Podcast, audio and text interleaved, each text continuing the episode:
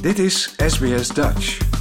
Op sbs.com.au slash Dutch staan nog meer interessante verhalen.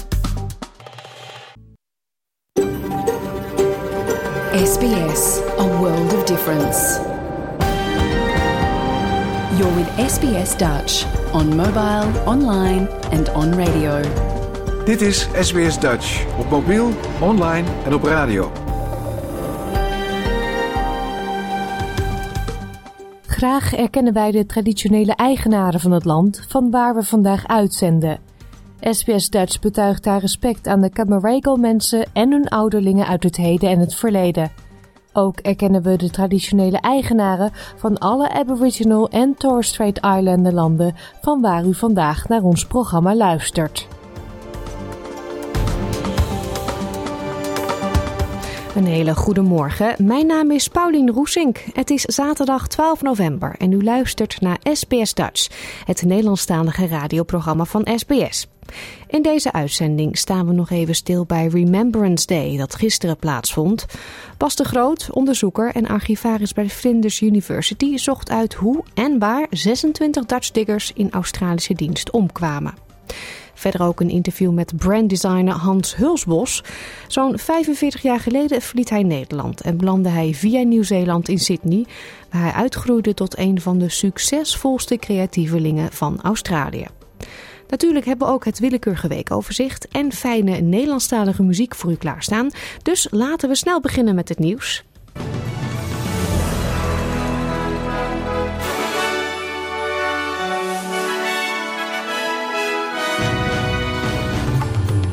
Dit zijn de headlines van het SBS Dutch nieuwsbulletin van zaterdag 12 november. Tienduizenden Somaliërs op de vlucht voor droogte. Oekraïne claimt historische herovering Gerson en zanger Pierre Cartner overleden.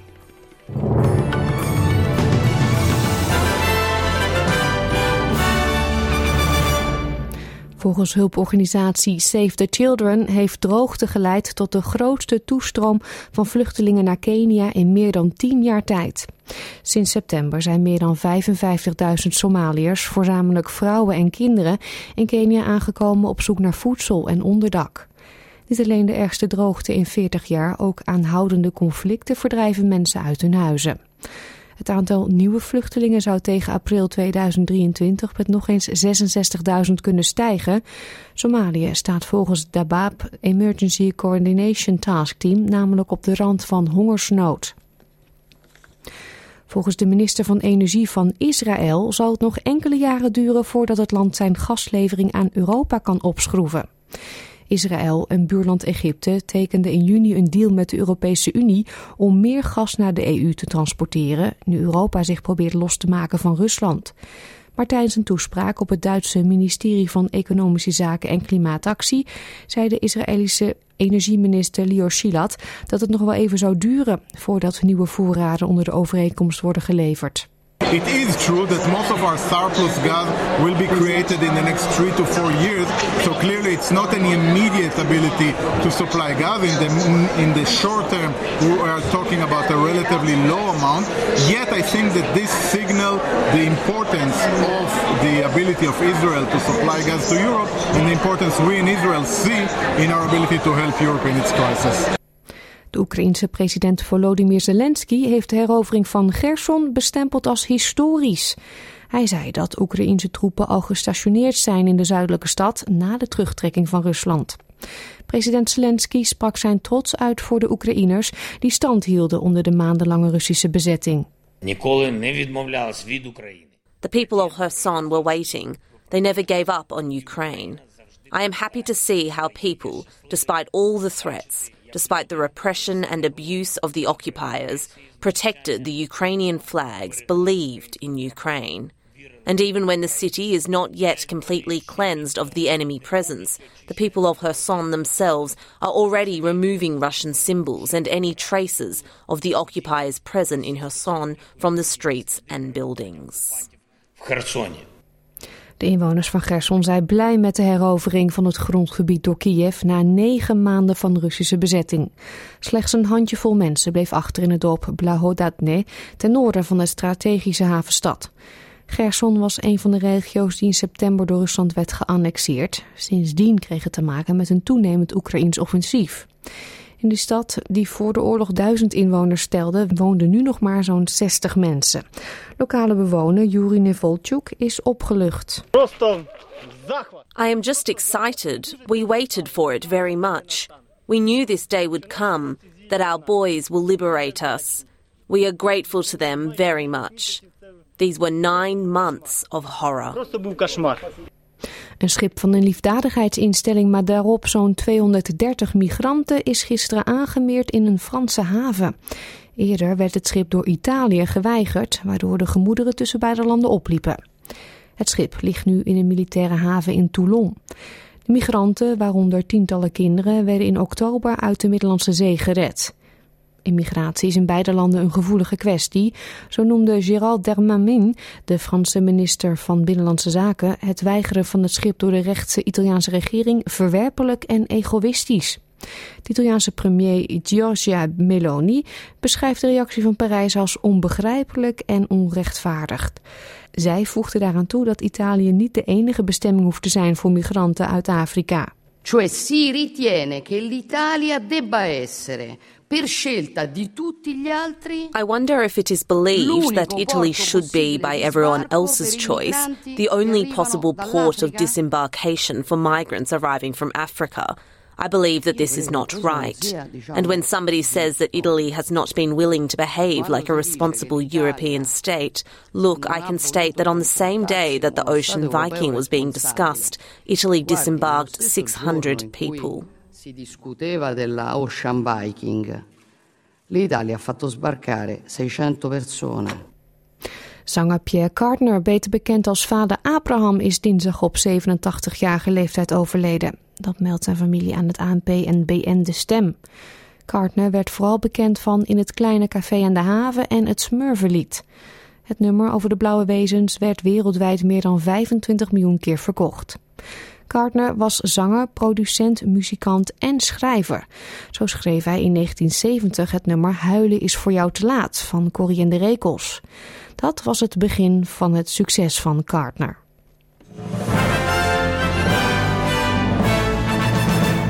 Kijken we nog even naar de weersverwachting voor vandaag.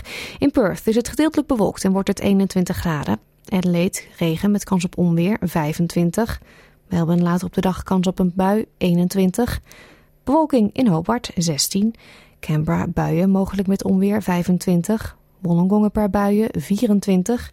Het is zondag in Sydney 26 graden. Newcastle gedeeltelijk bewolkt 28. Brisbane zonnig 30. Ook zonneschijn in Cairns 32 en in Darwin een paar buien mogelijk met onweer en daar wordt het 34 graden. Dit was het SBS Dutch News.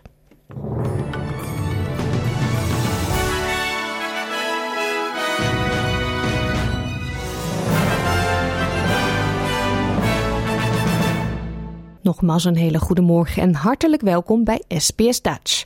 Straks een uitgebreid interview met de zeer succesvolle Nederlandse branddesigner Hans Hulsbos, maar eerst de Dutch Diggers. Gisteren was het Remembrance Day, een dag waarop SBS Dutch graag stilstaat bij de Dutch Diggers. Want niet alle 26 omgekomen Dutch Diggers sneuvelden tijdens de Eerste Wereldoorlog aan het front. Bas de Groot is onderzoeker en archivaris bij Flinders University en stuitte tijdens grondig speurwerk op enkele wrange gebeurtenissen die enkele jonge mannen het leven kosten. We spraken Bas eerder deze week en vroegen hem als eerste waar de term Dutch Digger ook alweer vandaan komt. Jouw gemeenschap, jouw gesprek, SBS Dutch. Diggers was een term voor Australische soldaten, dus die ze onderling eh, gebruikten. Het is een term die eigenlijk tijdens de Eerste Wereldoorlog ontstaan is. Niemand weet eigenlijk waar die precies vandaan is gekomen. Het was niet zeg maar, alsof de Australiërs nou meer aan het graven waren of, of meer miners waren dan andere landen. Maar het was ja, een soort van term die Australische soldaten voor elkaar gebruikten. Dus ze zeiden gewoon tegen elkaar: hey dikker, hey kopper. En ja, die term diggers is, uh, ja, is blijven plakken. En in ons geval, uh, tenminste, ik kijk dan vooral naar mensen met een Nederlandse achtergrond. En uh, dus ja, vandaar de term Dutch diggers. Ja, was die groep groot, die Nederlanders die het Australische leger joinden? Uh, in totaal heb ik er tot nu toe zo'n 160 teruggevonden. Lang niet allemaal zijn die ook daadwerkelijk uh, de, de, loopgraven ingegaan. Er zijn er een heel aantal uh, ofwel gedeserteerd of ze maar wel aangenomen, maar daarna toch niet naar Europa gegaan. Maar nou, het merendeel toch wel. En van die 160 zijn er helaas toch een, een slordige 26 die ik tot nu toe heb kunnen identificeren, zijn, zijn helaas om het leven gekomen. Helaas gebeurt dat vaker tijdens een oorlog. Maar zaten deze mannen allemaal in hetzelfde gebied? Nee, het Australische leger zat natuurlijk verspreid over een, een heel aantal plekken. Als je gaat kijken, er zaten sowieso een aantal Nederlanders bij de eerste Australische troepen die bij Gallipoli hun eerste gevechten uh, ondergingen. Onder andere een aantal mannen letterlijk bij de eerste landingstroepen die daar aan land uh, kwamen. En ja, sommigen zijn daar dus ook uiteindelijk aan, aan overleden. Zo hadden bijvoorbeeld Jack de Boer uit Vlaardingen. Die werd gewond tijdens Gallipoli, maar die wond was zo akelig dat ze hem eerst naar Engeland getransporteerd hebben om daar in een hospitaal te revalideren. Maar ja, daar kwamen ze er ook wel achter dat die wond zodanig ernstig was. Dat ze uiteindelijk maar gezegd hebben van ja, jij gaat nooit meer het leger in, in of tenminste je kunt niet meer dienen. Dus weet je wat, we transporteren je terug naar Australië. Alleen ja, helaas is hij dus uh, tijdens het transport terug naar Australië is hij uh, aan boord van zo'n transportschip is hij overleden. En uh, hij is uiteindelijk begraven in Colombo in, in Sri Lanka. Dus ja, dat is een, een hele reis om de hele wereld. En uiteindelijk word je begraven in Colombo. Dat was wel poignant, zoals de Australiërs dat zeggen. Um, er is uiteindelijk ook nog één Nederlander echt daadwerkelijk in Anzac Cove begraven. Dus echt op, op de plek waar de Australiërs geland uh, zijn. En dat is uh, Willebroeders Petrus Beer uit Amsterdam. Die is niet tijdens de landing overleden, maar een, een, een korte tijd uh, daarna. Maar ja, Anzac Cove, daar is dus een officiële Australische begraafplaats. En daar ligt dus ook een Nederlander begraven. Hmm. Lijkt me voor een familie heel lastig als jouw geliefde niet terug naar huis komt. Ja, nou en ik ben wat dat betreft ook een aantal gevallen tegengekomen waarin familieleden dus eigenlijk niet eens weten wat er gebeurt en wat er gebeurd is. Ik ben bijvoorbeeld uh, twee gevallen tegengekomen. Bijvoorbeeld een, geval van een John Baumgarten, boomgaard uit Haarlem. En diens vader zocht hem in 1929 nog. Dus die heeft het consulaat benaderd. En uh, ja, helaas kon het consulaat was ja, of niet slim genoeg, of ze hebben niet goed gezocht, of wat dan ook. Die hebben hem uiteindelijk geen antwoord gegeven. Tien jaar na de Eerste Wereldoorlog, want over die tijd hebben we het natuurlijk. Ja, wist ja, die man nog niet waar zijn zoon was? Nee, klopt. Wat dat betreft, het was ook zo dat bijvoorbeeld een Harold uh, Rollema uit Den Haag tegengekomen. En die had als next of kin, dus uh, zeg maar, alle soldaten moesten uh, op hun enlistment papers aangeven wie hun next of kin was. Dus wie de Australische regering moest benaderen als ze overleden. En die had dus daar wel zijn vader vermeld. Maar die konden de, vervolgens de Australische autoriteiten niet traceren. Ze konden hem in Nederland simpelweg niet vinden. Dus ook Harold Rollema, zijn, zijn vader, heeft dus nooit ontdekt wat er met zijn zoon gebeurd is.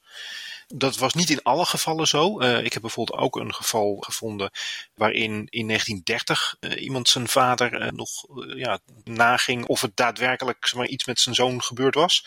En in dat geval hebben ze hem gelukkig wel kunnen vertellen wat er, wat er gebeurd is. Er is zelfs één geval bekend waarin de vader een briefje van een van de medesoldaten, dus een van de, de mensen die dus in dezelfde eenheid diende als, als die Nederlander, die kreeg dus een briefje opgestuurd van nou, dit en dit is er met je zoon gebeurd? Dat was een uh, meneer Woudstra uit Harlingen. En daar heb ik bijvoorbeeld van gevonden, wat, wat stond er ook alweer? Oh ja, um, his best friend, legernummer 1740, John G. Somerville, van het 56e bataljon. Uh, en de vader, Woudstra, die schrijft dus van... He acknowledged first the death of my son by a little letter written with lead pencil in the field in France, dated 2 April 1917. Somerville's letter reached me a week before the dead tiding of the authorities came. Somerville has not been killed and returned to Sydney. I long for his address to write that best young man. Dat is wat zijn vader Douwe Cinema opgeschreven had. Ja. Dus, um... Die kreeg net voordat de autoriteiten hem op de hoogte zouden stellen, die brief al van die maat eigenlijk. Ja, ja. Um, er waren dus, ja, uh, uh, waarschijnlijk dat dus sommigen, ja, dus informeel, dus bijvoorbeeld aan hun maten, aan hun collega's, dus lieten weten van, goh, als er iets met mij gebeurt, kan je dan een briefje sturen naar dit en dit adres. En dat was ja, soms beter dan, dan, de, dan wat de legerautoriteiten voor elkaar kregen. Ja, precies. En je zegt dus, um, sommige ouders hebben dan geluk gehad, familieleden, die ontvingen een briefje. Um, weten ze dan verder helemaal niet wat er met die andere mannen gebeurd is? Nou, de meeste wel. Het merendeel is daadwerkelijk op een officiële Commonwealth Grave Place of uh, Military Cemetery begraven. Uh, maar ik ben ook ja, helaas ja, drie of vier mannen tegengekomen waar dus inderdaad van bekend is, tenminste waar dus in de leger records dus inderdaad staat van ja, no known grave. En dat betekent dus dat ze zeer waarschijnlijk in Frankrijk in niemands land, dus tussen de linies, op een gegeven moment gesneuveld zijn. En ja, die linies werden af en toe eh, enorm onder zware artilleriebeschietingen uh, geplaatst. Ja, en dat betekent dus, ja, hoe luguber het ook klinkt, maar dat er dus ja, soms van de overledenen niet veel meer over was. Dat betekent dus dat ze niet er was geen lichaam meer om te begraven. Nee. Uh, ze wisten simpelweg niet waar die mannen gebleven waren. Hmm. Dus, uh, en dat is onder andere gebeurd met uh, Peter van der Lubbe uit Den Haag en Herman Nijmeijer uit Amsterdam en Jacobus Meijerink uit Haarlem. Hmm. Van die 26 mannen is niet iedereen aan het front gestorven. Je noemde al een voorbeeld van iemand die onderweg terug naar Australië is bezweken. Je had nog een paar voorbeelden, hè? Ja, bijvoorbeeld Willem Dirksen uit Amsterdam. Die was in 1918 in dienst getreden. Was naar Europa getransporteerd. Dus was netjes op de boot gegaan. Was in Frankrijk aangekomen. En toen was bijna de oorlog over. Nou ja, dan denk je, nou mooi, dan ben ik de dans ontsprongen. Alleen uh, die is op 12 februari 1919 alsnog aan de Spaanse griep overleden. Eigenlijk de, de pandemie heeft hem wel gekregen, waar de oorlog hem ja, niet gekregen heeft. Mm. Ja, dat zijn hele, ja, hele wrange verhalen die je dan uh, af en toe uh, naar boven krijgt. Nog zo'n verhaal is van Paul Retel uit Heemstede. Die was al, al redelijk ruim voor de oorlog naar, uh, naar Australië gekomen. Was daar getrouwd. Um, zij was getrouwd met een weduwe, dus hij was eigenlijk de tweede man van zijn vrouw. Uit het eerste huwelijk had zijn vrouw al een zoon. En die zoon die ging dus het leger in. En Paul is toen zeer waarschijnlijk om een oogje te houden op zijn zoon, mm-hmm. um, is hij dus ook uh, in dienst gegaan. Is toen in 1918 gewond geraakt. En nou ja, dan denk je van, oh, nou ja, hij is, hij is gewond. Nou, hij is, maar uh, ja, dan kan hij in ieder geval behandeld worden en dan komt het wel goed. Maar hij werd toen vanuit Frankrijk met een transportschip, dus met een, met een hospitaalschip, de Warilda, naar Engeland vervoerd. En in het zicht van de haven van Southampton is dat hospitaalschip door een Duitse onderzeeër getorpedeerd. Ja, en is Paul Retel dus uh, ja, nooit, ja, heeft die, die schipbreuk dus nee. niet overleefd. Zijn lichaam ligt dus ergens in de Noordzee. Op de zeebodem. Ja. Ja, ja wat um, zijn, voor die vrouw ook. Twee mannen verliezen. Heeft ja, haar zoon absoluut. het overleefd? Weet jij dat toevallig? Ja, haar zoon heeft het wel overleefd. En sterker nog, een andere zoon van Paul en zijn vrouw is dus in de Tweede Wereldoorlog in dienst gegaan. En zelfs twee van zijn kleinzoons zijn tijdens de Tweede Wereldoorlog in dienst gegaan. Dus ja, het was wel een, uh, waarschijnlijk een, een man en ook een vrouw. En dus ook kinderen met uh, redelijk sterke principes. Ja, die lieten zich hier niet door afschrikken. Nee, nee, nee, absoluut niet. Nee. Johan de Raad. Ja, die hebben we vorige keer inderdaad ook besproken. Die heeft in het Midden-Oosten gediend. En um, is inderdaad ook overleden aan ziekte, helaas. Maar dan zie je dus inderdaad waar alle Nederlanders uiteindelijk allemaal terecht zijn gekomen. Want uh, zijn lichaam ligt dus begraven in Cairo, in Egypte. En een maat van hem, van de Light Horse, een meneer uh, van der Kaden, die is begraven in Damascus. Dus de, ja, wat dat betreft, we, hebben Nederlanders op begraafplaatsen liggen in Gallipoli, in Cairo, in Damascus, in Colombo en dan een heel aantal in Frankrijk. Hmm, ja. Worden die Nederlandse diggers, de Dutch diggers laten we ze zo blijven noemen, worden die nog herdacht ieder jaar? Of is het maar zo'n klein groepje uit al die Australiërs die gediend hebben, dat dat verder niet een heel grote bekendheid heeft? Nou, het is wel zo dat de. ehm, wat je ziet is dat. Nou ja, bijvoorbeeld van, van deze groep van 26 overledenen. waren er acht al getrouwd. En het is toch vaak dat hun nagedachtenis toch wel. door hun vrouwen en hun verdere familie. dat die toch wel vaak daarin herdacht worden. En zelfs als ze niet getrouwd worden, dan eh, niet getrouwd waren, dan kwam dat nog steeds wel, eh, wel voor. Ehm, bijvoorbeeld eh, die John Baumgarten, waar ik het al eerder over had. In zijn erfenis had hij dus een gedeelte opzij gezet voor een Mrs. Murrin. En Mrs. Murrin gaf dus zelf aan bij de autoriteiten dat ze eigenlijk, zeg maar, ja, een beetje zijn, zijn, zijn pleegmoeder was in, in Australië. Want nou ja, hij was daar aangekomen eigenlijk zonder wie dan ook. En eh, ja, hij, hij kende helemaal niemand enzovoort. En ze had zich een beetje over hem ontfermd. Ja, die mannen waren vaak ook heel jong, hè? Ja, ja, ja, absoluut. De gemiddelde leeftijd van, van de Nederlanders die in dienst traden was 23. 23, 24. Eh, de jongste die ik gevonden heb was zelfs nog net geen 18 toen hij in dienst trad. Dus ja, het was niet een, een hele oude groep mannen. Nee, wat een stoere kerels ook, hè? Dan kom je in een heel nieuw land en dan denk je, nou, ik ga hier mij voor inzetten. Ja, nou, het is inderdaad wel dat de Nederlanders die hier aankwamen, dat die toch redelijk snel echt wel integreerden. Alleen al het feit dat een redelijk groot gedeelte toch al getrouwd was. Terwijl als je gaat kijken naar de data dat ze aangekomen zijn in Australië, dan is het toch vaak nou een jaar of drie, vier voor de Eerste Wereldoorlog. Dat is toch een beetje een, een zie je een beetje een golf. Zo rond nou, 1910, 1911 zie je een beetje een golf. En in die drie tot vier jaar, tot de Eerste Wereldoorlog, ja, zijn er echt al mensen best wel goed geïntegreerd. Veel mensen hebben toch al wel een, uh, ja, een sociale kring, een sociaal netwerk. Hmm, ja. Is er nog steeds nieuwe informatie te vinden over deze groep, over de Dutch Diggers? Uh, op zich wel, maar het, op dit moment gaat het allemaal uh, ondertussen iets trager. Waar mijn onderzoek mee begonnen ben, is simpelweg de militaire um, records. Die zijn via het Nationaal Archief te vinden. En daar kan je al nou ja, toch redelijk snel een aantal basisgegevens vinden over uh, wie ze waren, uh, hoe oud ze zijn, uh, een beetje hoe ze eruit zagen, dat soort dingen. Vaak ook wel of ze getrouwd waren of zo, maar niet heel veel persoonlijke details. Dus als je dan vervolgens gaat kijken naar hun verdere levensgeschiedenis, dan wordt het echt een zoektocht. Um, ja, en Facebook hadden ze toen nog niet, hè? Nee, absoluut niet. Nee, nee, nee. Dus uh, ik gebruik ook redelijk veel uh, uh, Trove, dus krantenberichten uit die tijd. Australian War Memorial heeft een aantal goede andere bronnen, behalve de dienstgegevens zelf. Dus ja, het is stukje bij beetje van, van elke voormalige digger zoveel mogelijk gegevens bij elkaar zien te vinden. En ooit, dat wordt dan de volgende stap, is, is kijken of er nog uh, nakomelingen van deze groep uh, is.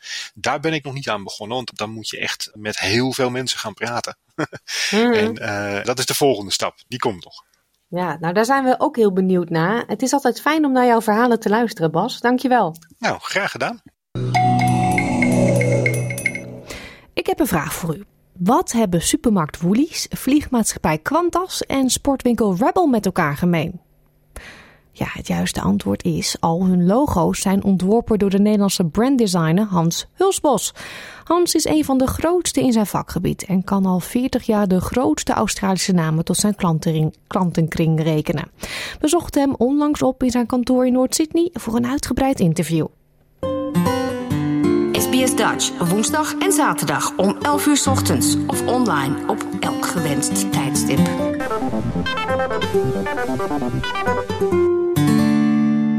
Zitten we in Noord-Sydney? Ik kijk om me heen en ik kreeg helemaal een flashback naar mijn eigen jeugd. Ik zie een pak hagelslag met een harlekijntje erop van de Albert Heijn. Waarom staat hij hier?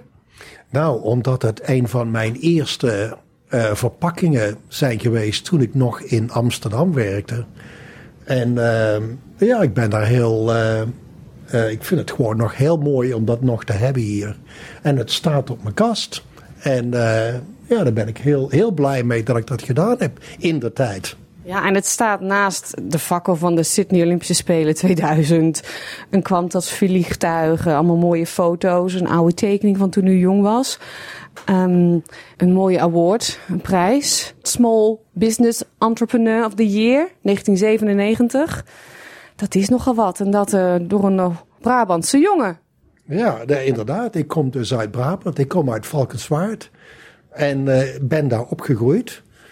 En heb daar ook gewerkt bij de Willem II sigarenfabrieken. Dat was mijn eerste job. Maar ik, werkte, ik merkte natuurlijk wel dat uh, om meer te leren moest ik wel uit Valkenswaard uh, vertrekken en naar Amsterdam te gaan. En dat heb ik dus gedaan. En daar heb ik eigenlijk dus uh, mijn vak geleerd. Ja, u heeft de School of Graphic Design in Eindhoven gedaan. Oké, dus dat, daar begon ik dus mee. Na de lagere school meteen naar de grafische school in Eindhoven. Want iedereen die vond dat ik een beetje kon tekenen. En dus ik naar de grafische school. En daar heb ik ik heb, ik heb gewoon een hele hoop geluk gehad in mijn, in mijn leven. Want op die school al had ik hele goede mentors. Bij, toen ik bij de Willem II werkte, had ik een hele goede mentor.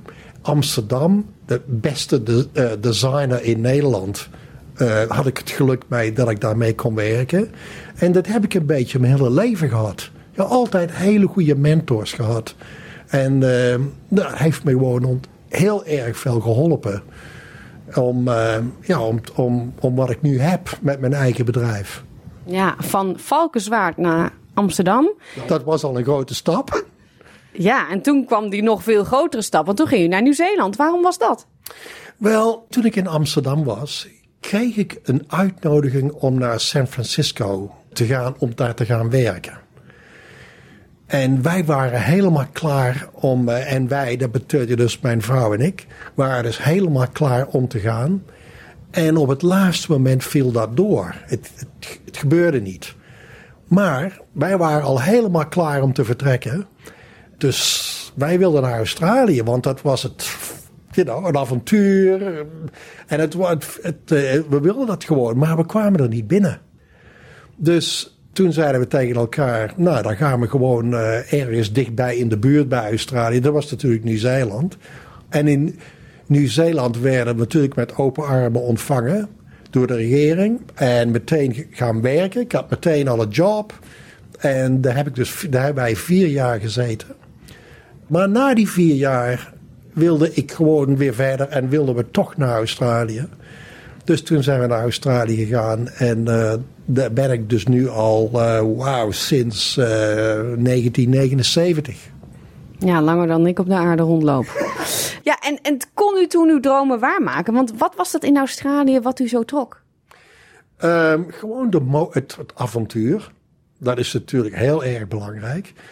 Maar ook uh, de mogelijkheden. Ik hoorde heel veel over Australië, al in Nieuw-Zeeland hoorde ik daar veel over de mogelijkheden die er waren. De grote bedrijven. De, het was gewoon land in de opkomst.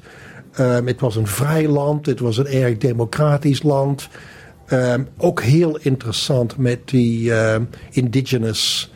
Uh, de, uh, de, de mensen die daar waren. Dus dat contrast between, between, en het contrast tussen Oost en West. Het was gewoon een heel interessant land om, ja, om, dat, om dat eens te beleven.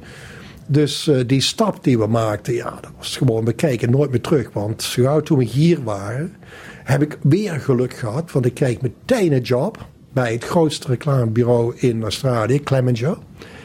En uh, ja, dat ging gewoon ook heel erg goed. Ik werd meteen daar creatief directeur. En uh, nou, dat heb ik dus voor een paar jaar gedaan. Totdat ik dus dacht, en heb ik dus altijd gedacht, ik wil altijd mijn eigen bedrijf hebben. Altijd, toen ik al 15, 16 jaar was, dacht ik daar al over van, van uh, daar, dat wil ik. Op een gegeven moment. En die mogelijkheid die kwam. Want zoals je dus weet, wij doen branding. Wij design brands. En de manier waarop ik daarover dacht, de hele psychologie van een brand, de research, de, al die wat er omheen gaat om zo'n brand heel erg succesvol te maken, dat werd helemaal niet gedaan in Australië. Er waren wel designers die, die logo's ontwerpten en zo, weet je niet, maar die hele serieuze kant van branding dat was er helemaal niet hier. Echt onderzoek doen en nadenken over de gedachten erachter. Ja, maar ook uh, met uh, de grote bazen van bedrijven praten over waar wilt u naartoe met uw bedrijf? En, en hoe wilt u communiceren met, met, met uw consumenten? En al dat soort dingen. dat werd helemaal niet gedaan. Dus ik dacht, wel, niemand doet het, dus ik doe het. En zo ben ik eigenlijk begonnen. En uh, het mooie was, toen Qantas erachter kwam dat er iemand was die dat kon doen, kreeg ik meteen een telefoontje. En mijn eerste klant was dus Qantas. Ja, dat is toch niet te geloven? Kom je net kijken met een bedrijf? Ja, ik kwam net kijken en ik denk van, nou, uh, dat is heel apart. En uh, nog geen drie maanden later uh, Sitma Cruises, de hele grote P&O Cruises, you know, gedeelte van P&O Cruises. Dat is dus ook een Amerikaans uh, bedrijf. Meteen ook. En dus ik had meteen een hele hoop werk. En, en niet de kleinste. En niet de kleinste, nee, nee, nee, zeker niet de kleinste. Was dat niet een beetje eng ook? Uh, natuurlijk wel, maar ik, weet je, ik was al heel gewend bij, toen ik bij Clemenger was in reclame. Toen werkte ik al voor hele grote bedrijven, dus het was een beetje uh, makkelijker om uh, die, die stap te maken. En, uh, ja, en al die klanten die waren heel waarderend van wat ik deed met hun. En ze hadden ze nog nooit eerder gezien. Dus uh, ja, het was gewoon heel apart. Want tot nu hebben wij altijd voor grote businesses gewerkt. En het is gewoon hartstikke leuk. En zoals je dus weet, zijn wij dit jaar 40 jaar oud als een business. I mean, can you believe it? Wordt het groots gevierd? Natuurlijk wordt het groots gevierd. We gaan met z'n allen uit. We hebben een, met klanten en met uh, de staf hier. Dus het wordt heel gezellig. Uh, we doen het iedere vijf jaar. Hebben we een groot feest. Dus, uh, en natuurlijk deze keer ook. Ja, en ik heb er nog heel veel enthousiasme in. Ik, heb nog steeds, ik ben nog steeds zo enthousiast als de eerste dag. En ik blijf gewoon doorgaan tot, ja, tot dat ik er genoeg van heb. Ja, ik denk dat heel veel Nederlanders zich niet uh, realiseren. Uh, u noemt nu even zo Quantas. Ja, die kangeroe die iedereen kent, heel herkenbaar, komt van uw hand. Uh, het Woolies logo, daar zit u achter ook. Rebel Sport, Virgin Australia en ga zo maar door. Het zijn echt namen. Iedereen kent ze. Ja, en en dat komt gewoon, dat bouw je dus op over, de, over jaren, weet je nu. En, en uh, ja, mensen die kennen je en die, je krijgt iedere keer weer een telefoontje van, kun je ons helpen? En branding is een hele important business voor bedrijven. Tegenwoordig. Vroeger was dat niet zo erg, want je had dus een product en dan verkoop je gewoon. Maar tegenwoordig is dat heel erg belangrijk, hè? of je een goede brand hebt. Want die grote bedrijven die willen natuurlijk laten zien aan hun klanten wat zij betekenen als een bedrijf. En dat is niet zo belangrijk als een heel goed logo te hebben, want dat zegt vaak instantly. You know, dat ben ik. En zo zie ik eruit. En, en, uh, en je kan heel veel invloed hebben, want ik las dat de rebranding van Woolies het bedrijf heel veel goeds heeft gedaan. Dat, dat heel veel mensen het meer kennen en dat het steeg in de ranking van, uh, van supermarkten, als ik het goed heb. Ja, dat klopt. En uh, dat was best wel een hele moeilijke job. Want hoe creëer je zoiets? De, vroeger uh, stonden dus op die, buiten op de winkel stond Woolworths, the fresh food people. Maar het waren gewoon een hele hoop woorden. En dat betekende helemaal niks. Weet je niet, voor de hele hoop mensen. En dus die wilde een logo hebben dat zegt The Fresh Fruit People. Ja, dat is niet kort. Dat komt zomaar niet, hè? Nee. dus dat heeft wel even geduurd. Maar, maar uh, ik heb misschien wel uh, 200, 300 logo's gemaakt om er te komen. You know, totdat je, dat je eigenlijk pas dat precieze logo hebt. En dat duurt gewoon een tijd. Maar uh, het is de moeite waard, schijnbaar. Want het is, uh, dat heb ik dus in uh, 2008, 9 gemaakt. Dus dat is er nu al voor een hele lange tijd. En toen ik laatst sprak met ze, dat logo dat bestaat over 50 jaar misschien nog wel. Zo blij zijn ze ermee. Ja, zo blij zijn ze erbij. En natuurlijk een investering is ongelooflijk. Hè? Je denkt over, misschien kost het wel een biljoen dollar om dat heel allemaal te implementeren. Job like that. Dus alles moet op de gebouwen, op de trucks, op de verpakkingen. En dat is, ja, dat is natuurlijk een hele grote job. En dat kun je alleen maar doen over jaren. Ze kunnen, dat doen ze niet maar zo in één keer. Nee, niet dat ze over vijf jaar zeggen, nou, we doen weer wat anders. dat kan niet. kan natuurlijk niet. Hè? En het is ook hetzelfde met Qantas. I mean, just indenken wat het kost als je zo'n uh, kangaroo eventjes uh, op zo'n vliegtuig zet. En uh, dus je sturen ze naar Toulouse, naar Airbus en naar Boeing in Seattle in Amerika. En ja, dan moet je dat allemaal uitpluizen. Hè? En dat gaat met grote kosten te maken. Maar voor hun is dat gewoon de moeite waard om dat te doen. Want ze willen natuurlijk wel uh, contemporary zijn.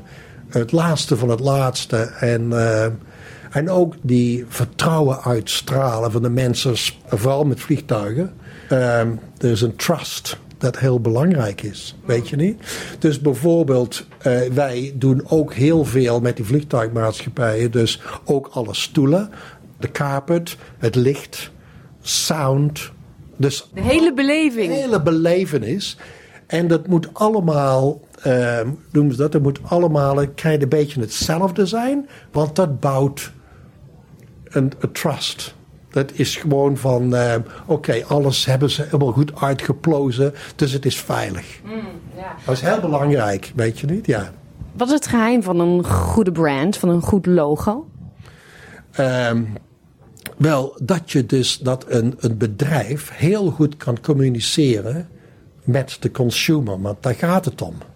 I mean, of je het nou leuk vindt of niet, maar het gaat altijd om geld. En dat is natuurlijk, dat is een business you know. En, ehm, en het gaat om uh, ja, dat ze heel goed kunnen communiceren. En dat is heel erg belangrijk voor, voor een bedrijf. Ja. En daar gaat het meestal om. Is er een logo waarbij u dacht, of een opdracht waarbij u dacht van... hoe ga ik dat doen? Maar waar uiteindelijk het resultaat echt was, nou, dat is geweldig. Nou, we rollen even naar het bureau en er wordt iets gepakt. Nou, ik, ik, ik ga even door allemaal logo's die ik gedaan heb. Um, Weet je, dat is heel erg moeilijk om dat te zeggen. Van bijvoorbeeld Rebel, met die E die ik heb omgedraaid. Want dat deed ik dus in vijf minuten. En uh, dat, heel kwam gewoon, dat kwam gewoon bang en meteen gedaan, bijvoorbeeld, weet je niet. Maar bijvoorbeeld een logo zoals de McGrath Foundation uh, is eigenlijk best wel heel erg moeilijk. Want je, je, je moet dus een bepaalde image uitstralen naar het publiek. En uh, als je een beetje geschiedenis van de McGrath Foundation weet, het gaat over de vrouw van Glenn McGrath, die toen die charity is begonnen, maar die stierf. En die legacy, die wilden ze doorgaan in die foundation. En toen hebben we dus dat hart hebben we ontworpen. Maar ja, dat kan heel lang duren voordat je zoiets doet. En dat is best wel heel erg moeilijk. Mm, ja, en soms is het, gaat het wel heel makkelijk. En soms is het gewoon heel moeilijk om, het, om uh, zoiets te doen, weet je niet. Kidney Foundation, wat twee kidneys, dat is heel normaal, hè. En de Starlight Foundation hetzelfde. Hè? Dus dat is meteen een star, kindje dat grijpt naar, die, naar dat star.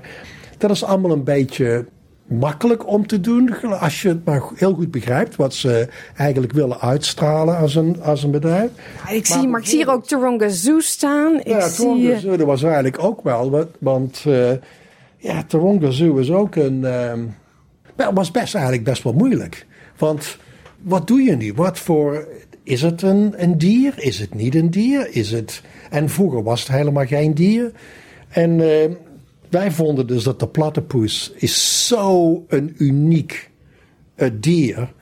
Toen het voor de eerste keer naar Engeland gebracht werd, back, terug in de jaren in de 1800, dachten ze dat er gewoon twee dieren aan elkaar geplakt waren, weet je Dus het was gewoon een heel, heel apart dier. En dat is ook dus heel uniek in Australië. Dus maar dan kiest hij daarvoor en niet voor een koala, omdat dat dan weer te obvious is. Ja, dat is te obvious, weet je niet. En de manier waarop het ook gedaan is, heel erg grafisch. Want uh, weet je wat ook is met een logo? Het is zo ontzettend moeilijk tegenwoordig. Hè? Alles wat je kijkt is op je mobile phone, oké? En die logo's die zijn allemaal tegenwoordig zo klein. Dat als jij een logo ontwerpt wat je niet kunt lezen op een iPhone, dan is het gewoon een mislukkeling. Dus het idee om een logo zo simpel te maken, is ontzettend moeilijk. Want het logo moet toch communiceren van, hey, dit ben ik. Maar het wordt steeds moeilijker, want die logos die worden steeds kleiner. Dus je hebt dus die logo's, net als Woolies bijvoorbeeld, die moeten heel goed uitzien op een winkel. En dan zijn ze heel erg groot. Of op een truck die overal rond de straat rijden. Maar die moet ook gelezen kunnen worden, heel klein, op een mobile phone. Dus die combinatie is dus ook op een truck die in één keer voem voorbij raast. Ja, moet je toch meteen, moet je meteen kunnen, hè? kun je kunnen grijpen. Maar het is juist op die iPhones waar, ik, waar wij, en daar hebben we het steeds over hier ook. Alles waar wij doen, uh, ja, simplicity en uh, hou het simpel. Maar dat is best wel moeilijk. En dat is gewoon ervaring. Hele hoop ervaringen. Nou heeft u ook het logo uh, ontworpen voor 80 jaar diplomatieke betrekkingen. Nederland-Australië. Dat is weer even terug naar die Nederlandse roots. Hoe vond u dat? Ja, heel apart. Ik kreeg dus een telefoontje van de ambassadeur en, uh, en zij zei, ze vroeg of ik dat wilde doen. En ja, natuurlijk meteen. En het idee van die golf is ook heel apart, want het gaat dus helemaal terug naar de eerste Nederlanders die toen in Australië zijn aangekomen in Western Australia. En dat ging allemaal via de boot. Dus water was natuurlijk heel erg belangrijk. En dat logo is dus een oranje golf en een blauwe golf. Oranje Nederland, blauw Australië. Die samenkomen als één golf. En die golf betekent ook vooruitgang en doorgaan.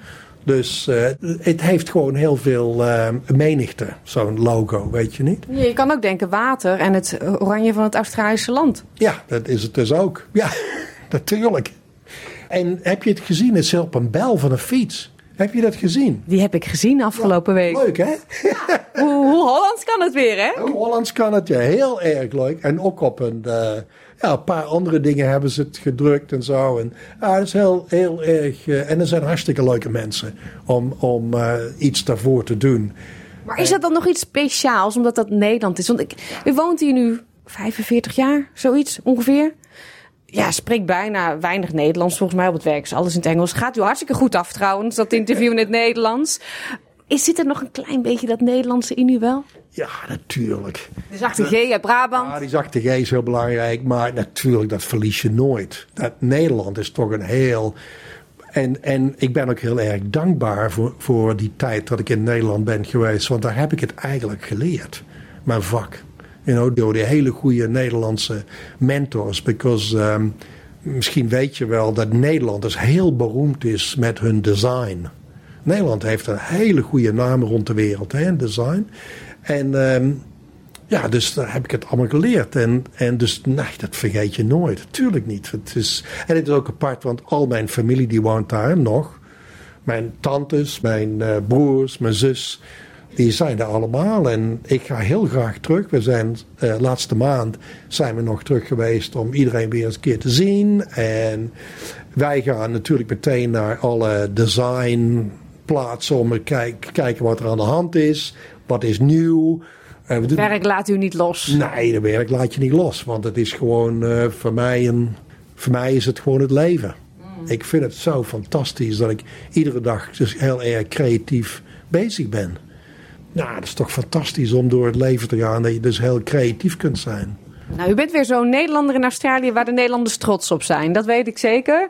Uh, gefeliciteerd met uw 40-jarig jubileum. En dank u wel voor dit interview. Ik vind het heel erg fijn om het te doen. Dank je wel. Ter gelegenheid van het 40-jarig bestaan van het bedrijf van Hans Hulsbos mogen wij een exemplaar weggeven van het boek Creating Creating Iconic Brands in Australia. Ga naar onze website www.sbs.com.au Dutch en beantwoord de prijsvraag om kans te maken op het boek. En dan is het nu tijd voor een overzicht van enkele belangrijke, bijzondere en spraakmakende nieuwsberichten uit Nederland van afgelopen week met dank aan de NOS en de regionale omroepen. Met dit keer onder meer. Minister wil bonus voor leerkrachten die meer gaan werken bijna 100 jaar oude audio van Nederlandse Nobelprijswinnaar opgedoken. En de cassettebandje maakt zijn comeback.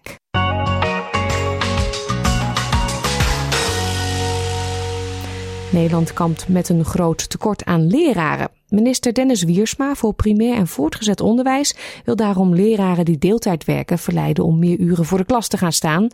Binnenkort begint een proef waarin leraren die meer gaan werken een bonus krijgen. De nood is groot, uh, dus de urgentie is hoog. En we moeten dus ook allerlei stappen zetten die we eerder niet hebben gedaan. En dat zou deze ook kunnen zijn. Hoewel ze het idee van een bonus wel zien zitten, zien deze leerkrachten geen mogelijkheid om meer te gaan werken. Ik ben zelf moedig. Uh, ik werk vier dagen. Uh, onderwijs is eigenlijk al wel vier dagen plus de momenten daarbij. Hè? Dus s'avonds nog wat of in het weekend nog wat. Ik denk dat iedere leerkracht dat doet. Dus dan wordt het eigenlijk uh, vijf en een beetje. en dat is gewoon te veel. En waar laat ik mijn kind? Want uh, ja, die gaat naar de opvang, maar die zit uh, ook helemaal vol. Dus ook om balans te houden tussen werk en privé is voor mij vier dagen maximaal. Ik heb ook drie kinderen waarvan er één al schoolgaand is en de andere twee die moeten binnenkort. Ik heb geen opvang na schooltijd. BSO heeft geen plek, neemt ook geen kinderen aan, ook geen broertjes en zusjes. Ja, dan wordt het gewoon heel ingewikkeld. Dan, dan wil, ik wil wel heel graag meer werken, maar ik zei, ik, het is niet te combineren met, met, met thuis. Het kabinet gaat gemeenten geld bieden voor het vrijwillig realiseren van opvangplekken voor asielzoekers. Maar als dat niet werkt, kunnen ze gedwongen worden. U hoort staatssecretaris Erik van den Burg van Justitie en Veiligheid. De meeste gemeentes zullen gewoon op basis hiervan gaan leveren. Dat is één. Daarna komt het gesprek met binnen de provincie. En dan kun je als gemeente zeggen: geef mij nou meer van dit, dan doe ik meer van dat. Dat zal ook helpen, de solidariteit tussen buren. En buren kunnen elkaar ook gaan aanspreken. Want op het moment dat buren elkaar aanspreken, krijg je het op provinciaal niveau rond.